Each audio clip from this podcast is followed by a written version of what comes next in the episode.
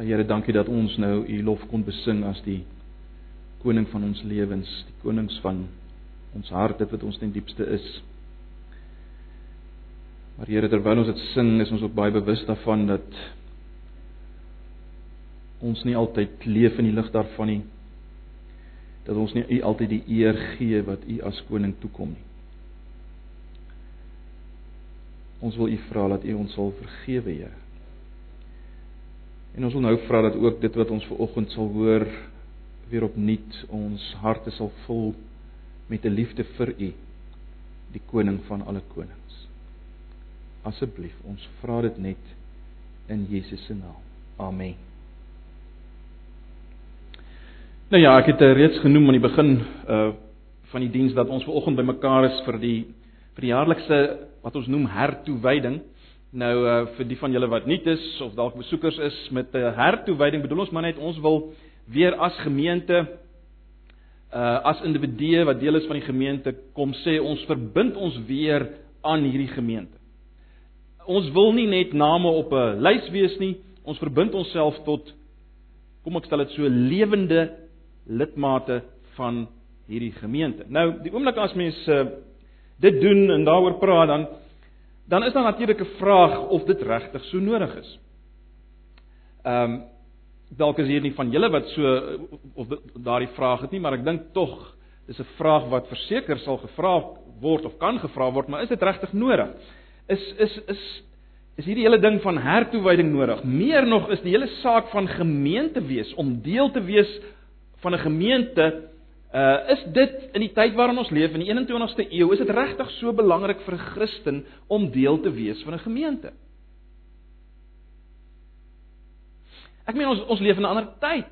Uh, ons weet van al die tegnologie wat ons het, né? Nee. Al die apps. Al die programme, al die wonderlike preke wat ons kan kyk. Uh kursusse wat ons kan volg. Is dit regtig nodig om myself te verbind aan 'n gemeente? Kan ek nie op my eie geestelik groei nie? Op my eie getuig nie. Hoekom moet ek hoekom moet ek deel wees van 'n gemeente om om te kan groei en en 'n getuie te kan wees? En dis dalk die die denke wat in jou kop onbewuslik vanoggend afspeel, dalk meer bewuslik, dalk nie, maar dit is belangrik dat ons uh, hierdie vrae, hierdie besware in gedagte sal hou volgend as ons uh, gaan gesels oor hierdie hele saak. Want ek wil 'n paar stellings maak en ek hoop dit wat ons later gaan sien uit die woord uit gaan gaan hierdie stellings bevestig. En dalk kom dit vanoggend as 'n skok vir jou, dalk uh, stem jy heeltemal saam daarmee, maar ek wil tog hê ons moet daarna kyk. Uh en die eerste ding wat ek wil sê is dit is dat jou persoonlike geestelike groei is nie die belangrikste saak of die belangrikste ding vir God nie. Ons leef in 'n geweldige individualistiese tyd. Dit is baie moeilik om nie te dink alles draai oor my nie. Ek moet geestelik groei. Ek moet net alles kry wat nodig is vir my groei. As jy so dink, jy's maar net 'n tipiese kind van jou tyd. Maar ek wil dit baie duidelik stel vanoggend, dis nie die belangrikste ding vir God nie. Jou persoonlike getuienis is nie eers die belangrikste ding vir God nie. En dit mag al kom vir as 'n skok. Dit lyk vir my as ek die skrif reg verstaan, dat hy jou ook nie alleen sal laat groei met net jou Bybel en jou app nie. Of kom ek stel dit miskien bietjie anders, dis nie wat hy ten diepste wil nie. Ek uh, mis miskien sê hy hy kan dit nie doen nie of hy sal dit nie doen nie, maar dis definitief nie wat hy in die eerste plek wil nie. So is baie belangrik om dit ver oggend raak te sien. Die groei van sy kerk, die liggaam van Christus op aarde, dit is die belangrikste ding vir God. En ek hoop ons gaan dit uh, bevestig sien uh soos dit ontvou deur die hele skrif in 'n sekere sin vanoggend. En en jou groei, jy sien, is net belangrik omrede jy deel is van die kerk. Nou laat ek onmiddellik uh, net uh, spesifiseer rondom die die woordjie kerk. In die Nuwe Testament is daar net een woord, ekklesia, wat gebruik word beide vir die kerk in die algemeen en 'n gemeente. Daar's net een woord, ekklesia. En daarom is elke gemeente is ten volle kerk van Jesus. En die kerk van Jesus kan nie maar net 'n uh, soort van onsigbaar bly. Daar daar daar Daar was so siening gewees op 'n stadium dat ons praat van die onsigbare kerk, maar dis eintlik nie 'n Nuwe Testamentiese gedagte nie. Die kerk moet sigbaar word in gemeentes. Uh, baie mense hou van ek het al met mense gepraat, hulle hou van die gedagte om te sê, ja, ek is nie deel van 'n gemeente nie, Jesus, maar ek is deel van die kerk. Wel, dis 'n vreemde gedagte vir die Nuwe Testament. Dit was onmoontlik om te sê jy is deel van die kerk, maar jy is nie deel van die gemeente in Korinte of die gemeente in Efese nie. Dis onmoontlik. So dis baie belangrik om dit te verstaan. En ek sê weer, jou groei is belangrik omdat jy deel is van hierdie kerk. En dan baie belangrik. In lig van wat ons nou net gesê het van my persoonlike getuienis. Baie belangrik, God se getuienis instrument, die instrument wat hy wil gebruik in die wêreld om vir hom te getuig is sy kerk. En ek gaan probeer om dit uh, te staaf. Dis sy kerk. Wat beteken? Elke gemeente ook. Wat eklesia is ten volle. Wat my bring by die volgende punt, jou groei en my groei kan nie plaasvind sonder die groei van die kerk, die liggaam van Christus nie. En aan die ander kant, die liggaam van Christus kan nie groei sonder jou nie. Want uit die aard van die saak bestaan die liggaam uit mense soos ek en jy. As ek en jy nie daar is nie, dan is daar nie 'n kerk nie. So dan kan die kerkie groei nie. Hoe op aarde kan die kerk groei as ons nie daar is nie? Né? Nee. So dit is baie belangrik. Jou groei, jou geestelike groei natuurlik, kan nie plaasvind sonder die groei van die plaaslike gemeente of die kerk nie. En dan aan die ander kant, uit die hart van die saak, kan die plaaslike gemeente nie groei as jy nie groei nie. Ek sê ons moet ophou om te praat van die kerk as iets daar ver. Die kerk doen nou alweer dit. Kyk, jy kan nie glo die kerk het nou alweer besluit. Wie op aarde is die kerk? So dis baie belangrik. Dis baie belangrik. Die slotsom is natuurlik as jy en ek vanoggend nie 'n saak het met die kerk nie, wat beteken 'n plaaslike gemeente nie, dan belemmer jy nie net jou eie groei nie, maar jy belemmer ook die groei van die kerk. En as jy wil jy belemmer die groei van die kerk in die wêreld. Want as jy die groei van die kerk hier belemmer in die plaaslike gestalte in Antipas, dan belemmer jy die groei van Jesus se kerk in die wêreld. En ons hou dalk nie van hierdie gedagtes nie, maar dit lyk vir my dit is die gedagte in die Bybel. Want kom ons vra onsself af, wie se groei, wie se opbou is vir God belangrik volgens uh die skrif? En dis die enigste plek waar ons kan gaan. Uh is is wat het God geopenbaar, né? Nee, ons moet vra wat het hy geopenbaar? Wat sê hy? Wel, die enigste plek waar ons verseker weet wat God sê is die is die skrif om te gaan kyk na die skrif self. En en dan lees ons onder andere in Efesiërs, ek hoop weet jy of julle daar kan sien nie, ek hoop so. Ek sal net nou na uh, ander verse ook daar verwys. Kom ons lees net van vers 12 van Efesiërs 4. Uh, ek sal net nou 'n bietjie na 'n ander vertaling ook verwys, maar, maar ek wil net julle moet 'n paar goed hier raak sien. Efesiërs 4 vanaf vers 12. Sy dis Jesus se doel daarmee. Dis die ehm um, waarvan hy gepraat word in die konteks is die gee van sekere gawes vir die gemeente. Ons gaan nou daarna kyk. Maar sy doel daarmee was om die gelowiges toe te rus vir hulle diens om uh uh en vir die opbou van die liggaam van Christus. Uh, ek wil julle moet dit raak sien. Ons kan net nou kyk na ander vertalings. Die opbou van die liggaam van Christus vers 13. So sal ons uiteindelik almal kom tot die werklike eenheid in geloof en in ons kennis van die seun van God. Dan sal ons sy kerk soos 'n volgroeide mens wees, so volmaak en volwasse soos Christus. Onthou hy skryf vir 'n plaaslike gemeente in Efese. Dan sal ons sy kerk soos 'n volgroeide mens wees, so volmaak en volwasse soos Christus en uit hom, dis Jesus, groei die hele liggaam, die verskillende liggaamsdele pas by mekaar en vorm saam 'n eenheid. Elkeen van hulle vervul sy funksie en so bou die liggaam homself op in liefde. So hierdie liggaam word opgebou. Baie baie belangrik.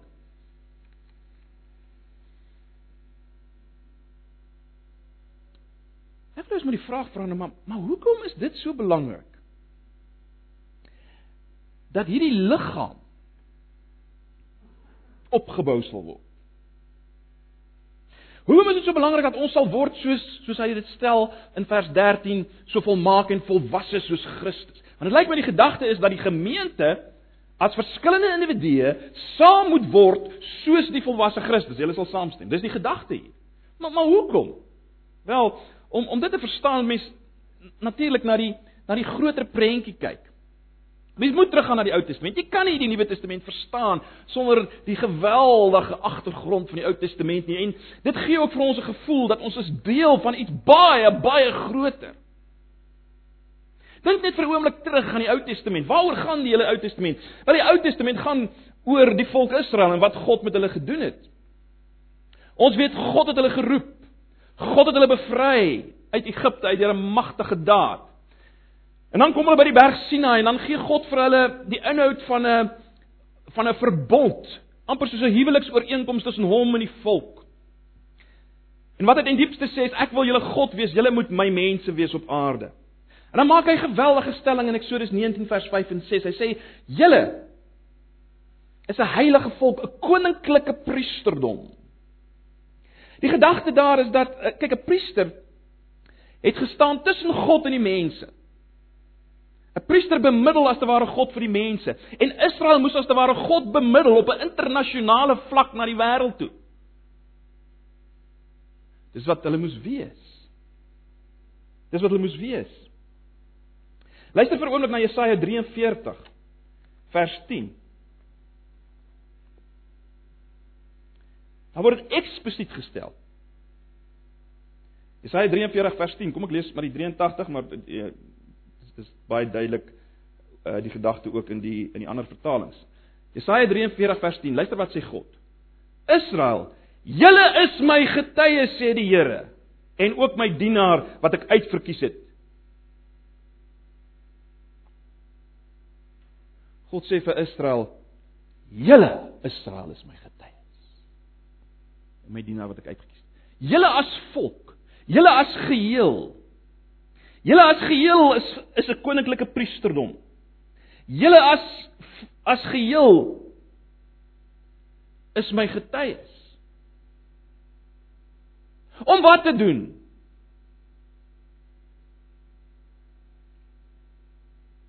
Wel, om vir die nasies te wys wie ek is.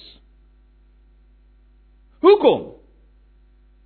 Wel, daarvoor moet ons teruggaan heel na die begin van Genesis. God het die mens geskep na sy beeld en hy het gesê wees vrugbaar, vermeerder en vul die aarde. God wil die aarde gevul hê en ek het dit al baie gesê en ek herhaal dit weer. God wil die aarde vul met sy beelddraers. En sy instrument om dit te bereik is die volk Israel. Dis waarvoor hulle gekies is. Hulle is nie gekies om maar net 'n mooi volkie op hulle eie te wees nie. Hulle is gekies as God se getuies om die vinger na hom te wys. Uh, Ander gedeelte is wat praat van hulle as as 'n lig. God het hulle gegee as 'n lig vir die nasies. So dis baie belangrik om dit te onthou. Maar ons weet dat Israel misluk. Hulle is nie dit. En dan verskyn Jesus.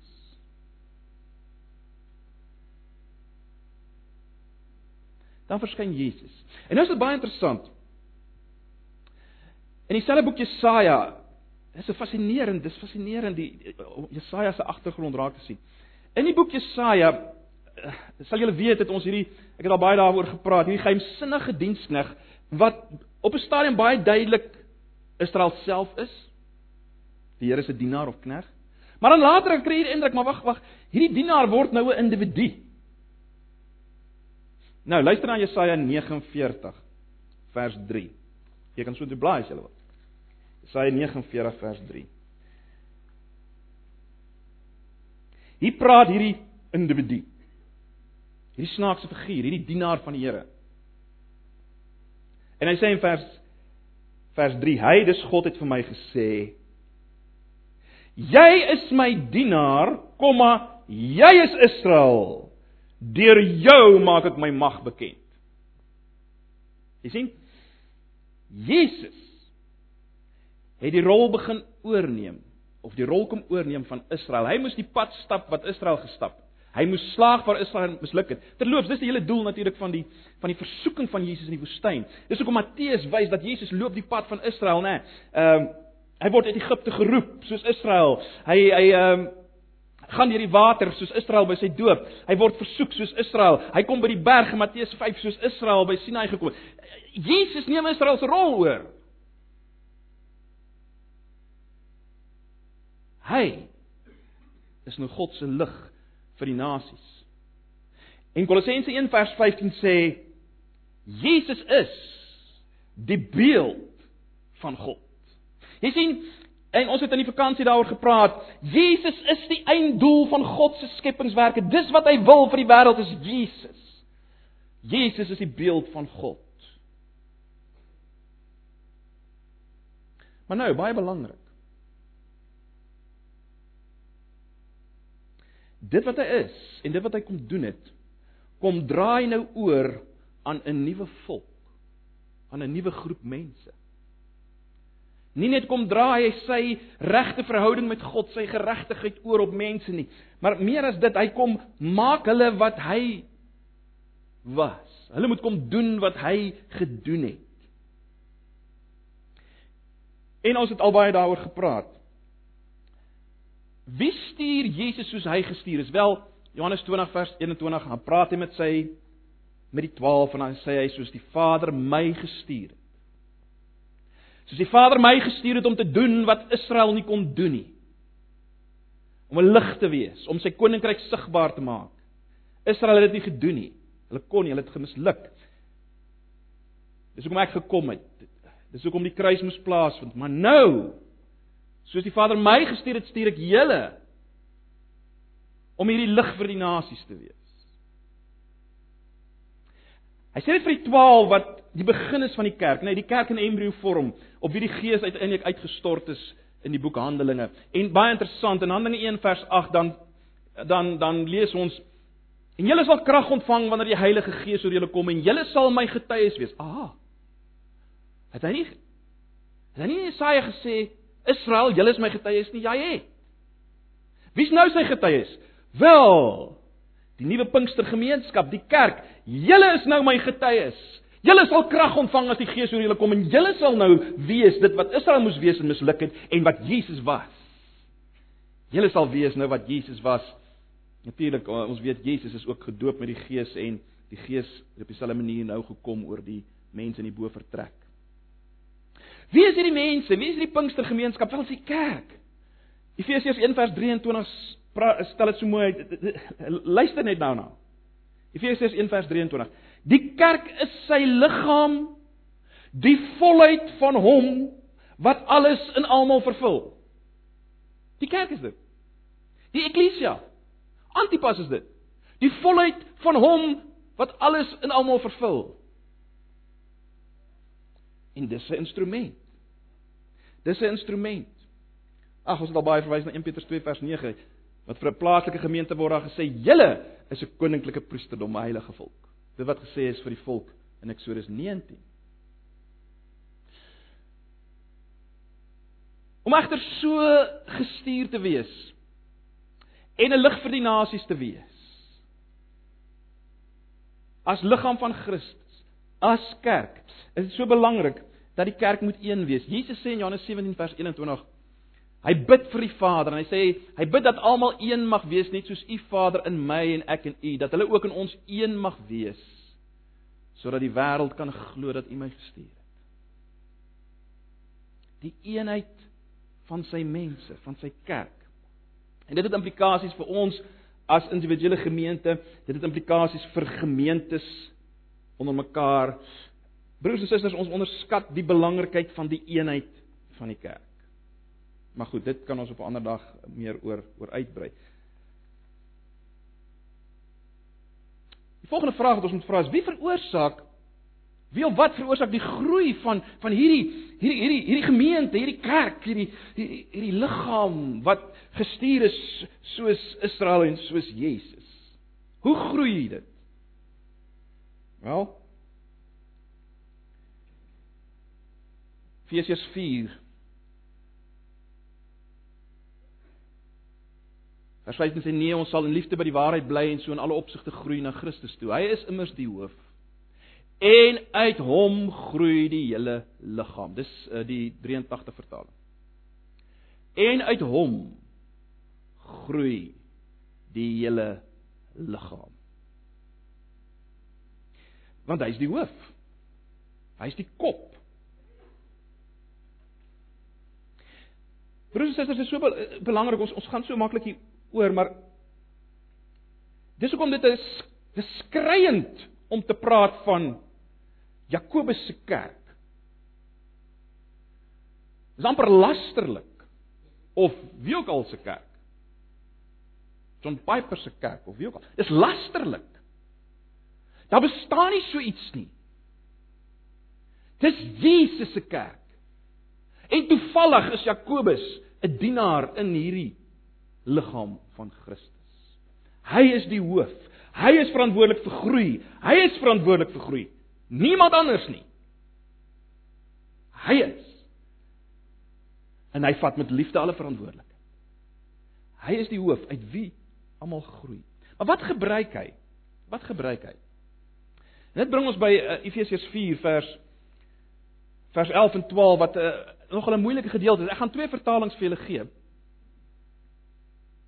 Die 83 vers, vertaling vertaal dit so.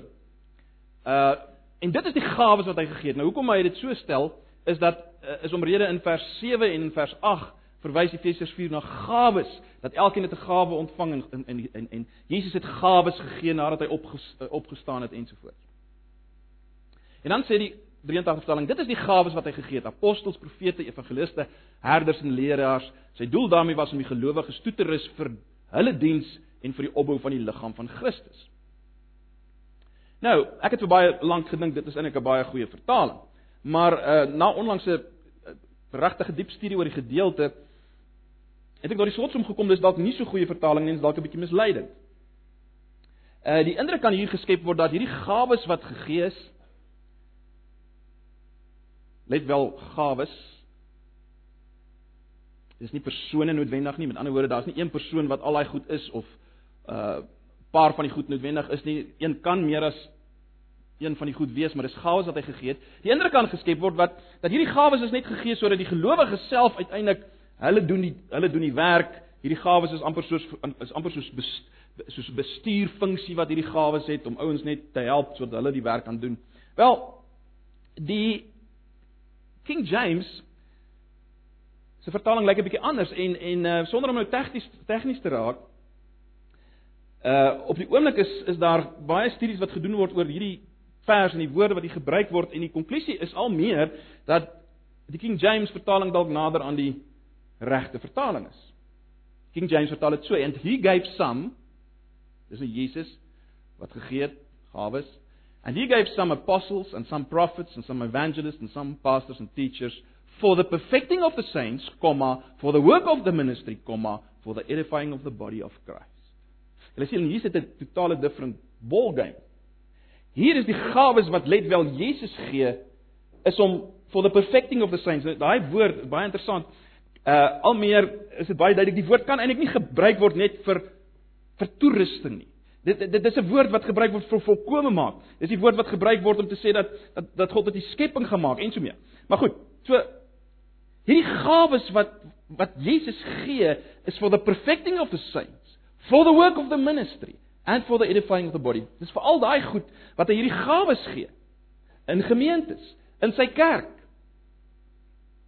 Ek wil nou uitbrei oor daai gawes nie. Was baie verskille onder mense.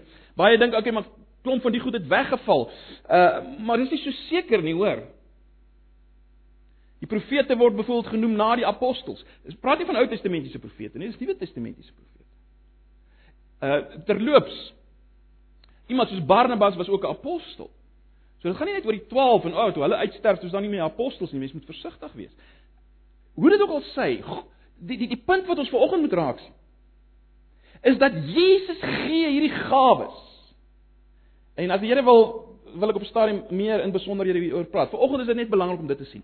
Jesus gee die gawes en hy gee dit vir die gemeente. So as jy nie in die gemeente is nie, dan mis jy dit. Nou sê ek nie al daai gawes is noodwendig hier by Antipas nie. Maar jy mis iets. Jy mis perfecting. Jy mis the work of the ministry. Jy mis the edifying of the body.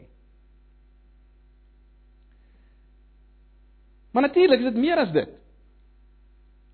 In vers 7 net voor hierdie vers sê sê Paulus ook aan elkeen van ons is 'n genadegawe gegee volgens die mate waarin Christus die gawes uitgedeel het. Aan elkeen van ons is 'n genadegawe gegee.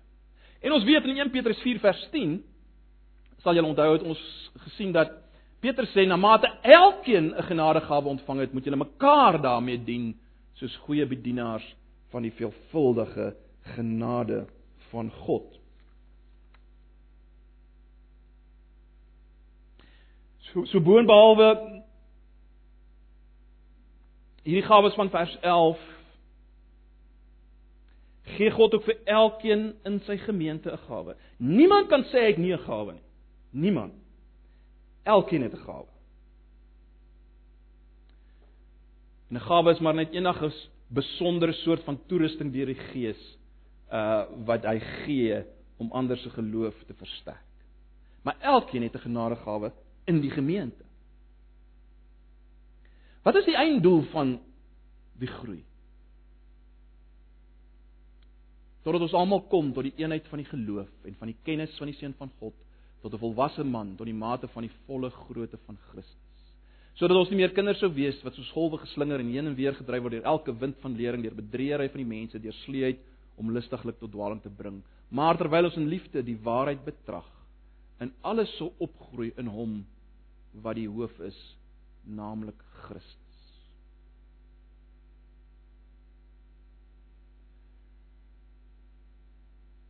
Het aan die begin gesê die einddoel van alles om, om, om ons te bring as as klomp individue tot die volwasse Christus, die volle grootte van Christus.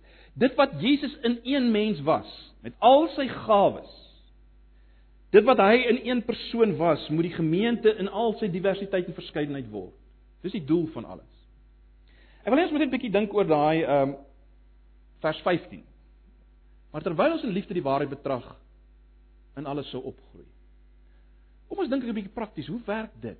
Hoe werk daardie opgroei terwyl ons die liefde in waarheid betrag? Wel, hoe hoe prakties? Wel, ek dink daar's twee maniere hoe dit gebeur. Eerstens deur die beoefening van die gawes en die tweede in die tweede plek bloot om met mekaar te praat. Toe ons die gawes gedoen het, het ek vir julle gesê dat dit dit lyk vir my die gedagte in Petrus is dat God gee gawes vir die versterking van die geloof in die gemeente. In ander woorde, as jy iemand sien wat sukkel met sy of haar geloof en jy kom gaan na daai persoon toe en jy doen dit wat as te ware gemaklik in die eerste plek by jou opkom om te doen om hierdie persoon se geloof te versterk, het sy dit is om 'n vers uit die Bybel te lees of vir die persoon 'n koek te bak. Dit wat jy doen en net wel as daai persoon dan gehelp word, jy sopas jou gawe ontdek. Jy hoef nie te gaan kursusse doen daaroor nie. Kyk net rond waar waar geloof aan flarde is en en doen waartoe jy beweeg word deur die Gees en as daai persoon gehelp word dan jy jou gawe ontdek. So dis hoe dit prakties werk. Gawes word beoefen en mense se geloof word versterk en hulle groei op. Maar dan is daar ook die praat met mekaar. Uh kyk net weer na vers 15 in in die vertaling wat ons nou net opgehaal het staan daar maar terwyl ons in liefde die waarheid betrag en alles so opgroei in hom wat die hoof is naamlik Christus. Nou is 'n bietjie moeilike Afrikaans. Ek dink tog die die Engels help dalk bietjie meer. Die die die King James version sê but speaking the truth in love may grow up in all things which is the head even Christ. So soos ons die waarheid in liefde spreek, groei ons op.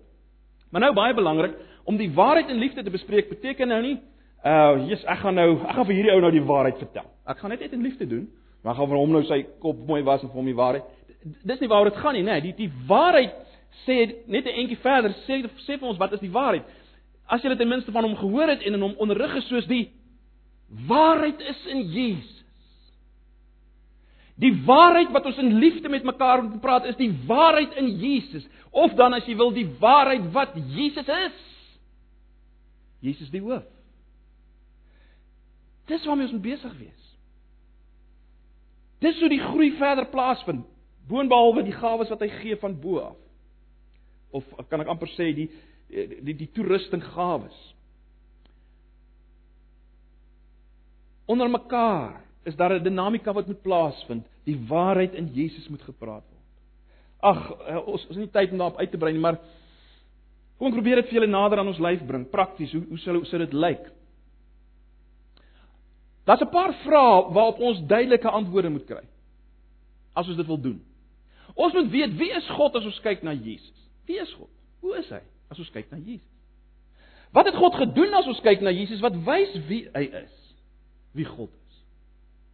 Wie is ek en jy in die lig van wat God gedoen het in Jesus? Wie is ons in die lig van wat God in Jesus gedoen het? Wie is ons? Dis 'n geweldige belangrike vraag om antwoorde te kry. En ek gaan nie volgende op uitbrei nie. Gaan dink myself daaroor. En dan, hoe moet ek en jy lewe in die lig van wie ek is in Jesus? Hoe moet ons lewe binne die gemeente, in ons werksituasie? En as ons antwoorde, ons moet antwoorde hierop kry as gemeente en as individue in die gemeente en dis die waarheid wat ons dan moet praat met mekaar onder andere daar's daar's natuurlik meer met ander woorde om dit bietjie anders te stel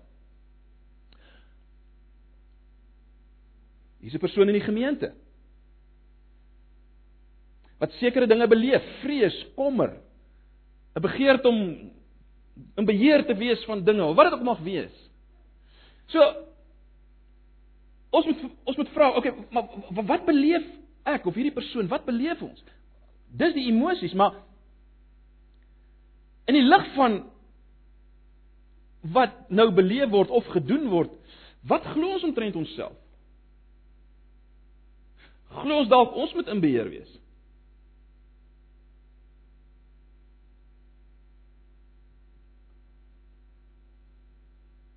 En dis hoekom ek bekommerd is. Dis hoekom ek bang is want Want ek glo ek moet in beheer wees, maar kan nie. En ek sukkel en ek misluk. Jy sien, maar wat is die waarheid van God in Jesus? Wat glo ek of hy of sy omtrent wat God doen of gedoen het as ons hierdie dinge beleef? Glo ek dat God my liefhet? Dat in Jesus die prys vir my betaal is? Glo ek op een of ander manier dat ek dit moet maak self? Moet opklim, Wat glo ek omtrent hoe God is as ek vol vrees is en kommer en 'n begeerte na beheer ensovoorts? Glo ek God is goed? Glo ek God is absoluut liefde soos ek sien in Jesus of glo ek dit nie?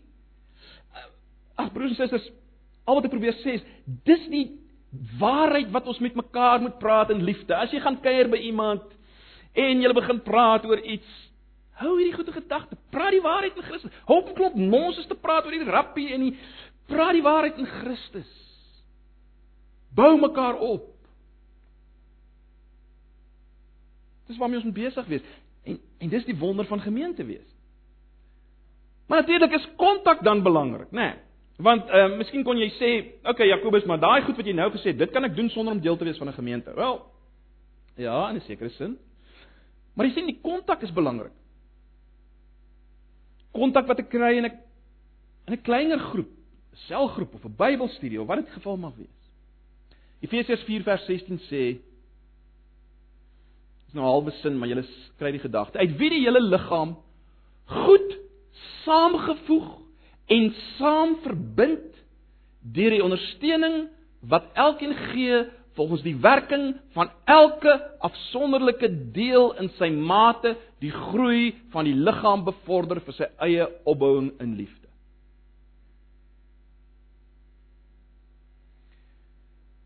So jy begin die prentjie kry, né? So ons praat die waarheid in Christus in liefde met mekaar. Daarvoor is nodig kontak met mekaar, soos 'n liggaam se aan mekaar gebind is, al die verskillende dele aan mekaar gebind is en die al die senings en spiere en so meer goed saamgevoeg en saamverbind deur die ondersteuning wat elke lid gee volgens die werking van elke afsonderlike deel in sy mate die groei van die liggaam bevorder vir sy eie opbouing in liefde. Dis wat gebeur of moet gebeur in die in 'n gemeente. So ag broers en susters, dis maar net 'n paar gedagtes en ons het nou vinnig oor hierdie dinge gegaan, maar as ons dit nader aan onsself bring, is daar net drie dinge wat ek wil los by ons vanoggend. Die eerste is dank die Here dat jy kan deel wees van die gemeente of die kerk. As jy alles vergeet wat ek vanoggend gesê het, onthou net dit, dis 'n geweldige, geweldige voorreg. Uh, Jesus het jou geplaas, hy het jou gesit in 'n gemeente. Dink so daaraan, onthou net. Uh in die, in die Nuwe Testament se tyd Daar het so iets bestaan soos iemand wat tot geloof kom gedoop is en daar gaan hy op een of ander manier op sy eie aan nie. Jy's gedoop sê Korintiërs tot die liggaam. Ouens is nie iewers in 'n swembad gedoop en dan gaan hy op sy eie aan nie. Jy's gedoop tot die liggaam. Want met die doop sê jy tog ek is verenig met Jesus.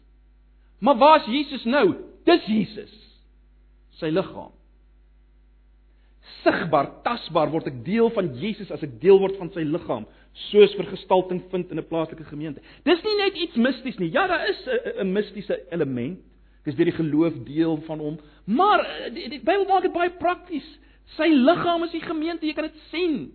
Jy word deel van hy liggaam as jy soos jy deel word van Jesus deur geloof, word jy per definisie deel van die liggaam. So dis 'n dis 'n groot genade in die lig van wat ons vanoggend gesien het. Jy kan deel wees van al hierdie dinge. Dis waar jy kan groei. Dis waar jy kan word wat jy moet wees. So, dank die Here daarvoor. Dank die Here daarvoor. En vir oggend se hele doel is verbind jou weer self tot hierdie gemeente. Sê, ek wil deel wees van sy kerk, soos hier vergestalting vind in Antipas.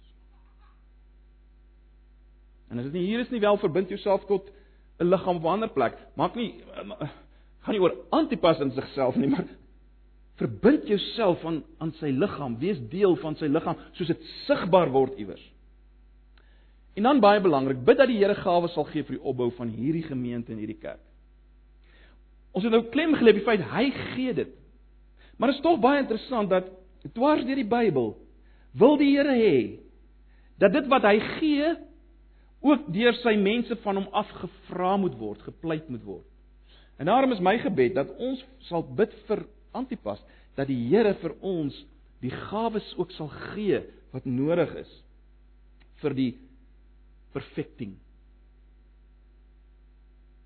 van ons wat hier sit. So ag, dis my gebed. Dis die drie dinge wat ek wil hê ons moet gaan doen uh na vanoggend. Dank die Here, verbind onsself, bid dat die Here die gawes sal gee. Ag Here, baie dankie vir u woord. Dankie vir hierdie wonderlike wonderlike waarheid dat ons nou kan deel wees van van die nuwe volk van God wat u instrument is wat u wil gebruik in die wêreld soos u nog altyd wou. Dankie dat ons kan deel wees van u liggaam, Here Jesus. U liggaam waarvan u die hoof is. En ons kom erken dit ver oggend dat ons dikwels dit vergeet. En as te ware self wil beheer oorneem van u liggaam. Vergewe ons. En ons wil in groot afhanklikheid ver oggend vir u vra Here wil u u liggaam soos dit hier vergestalting vind opbou gawes gee. Vernuwe. Bring tot die volheid van wie u self was toe u op aarde was. Asseblief. Asseblief, ons vra dit in Jesus se naam. Amen.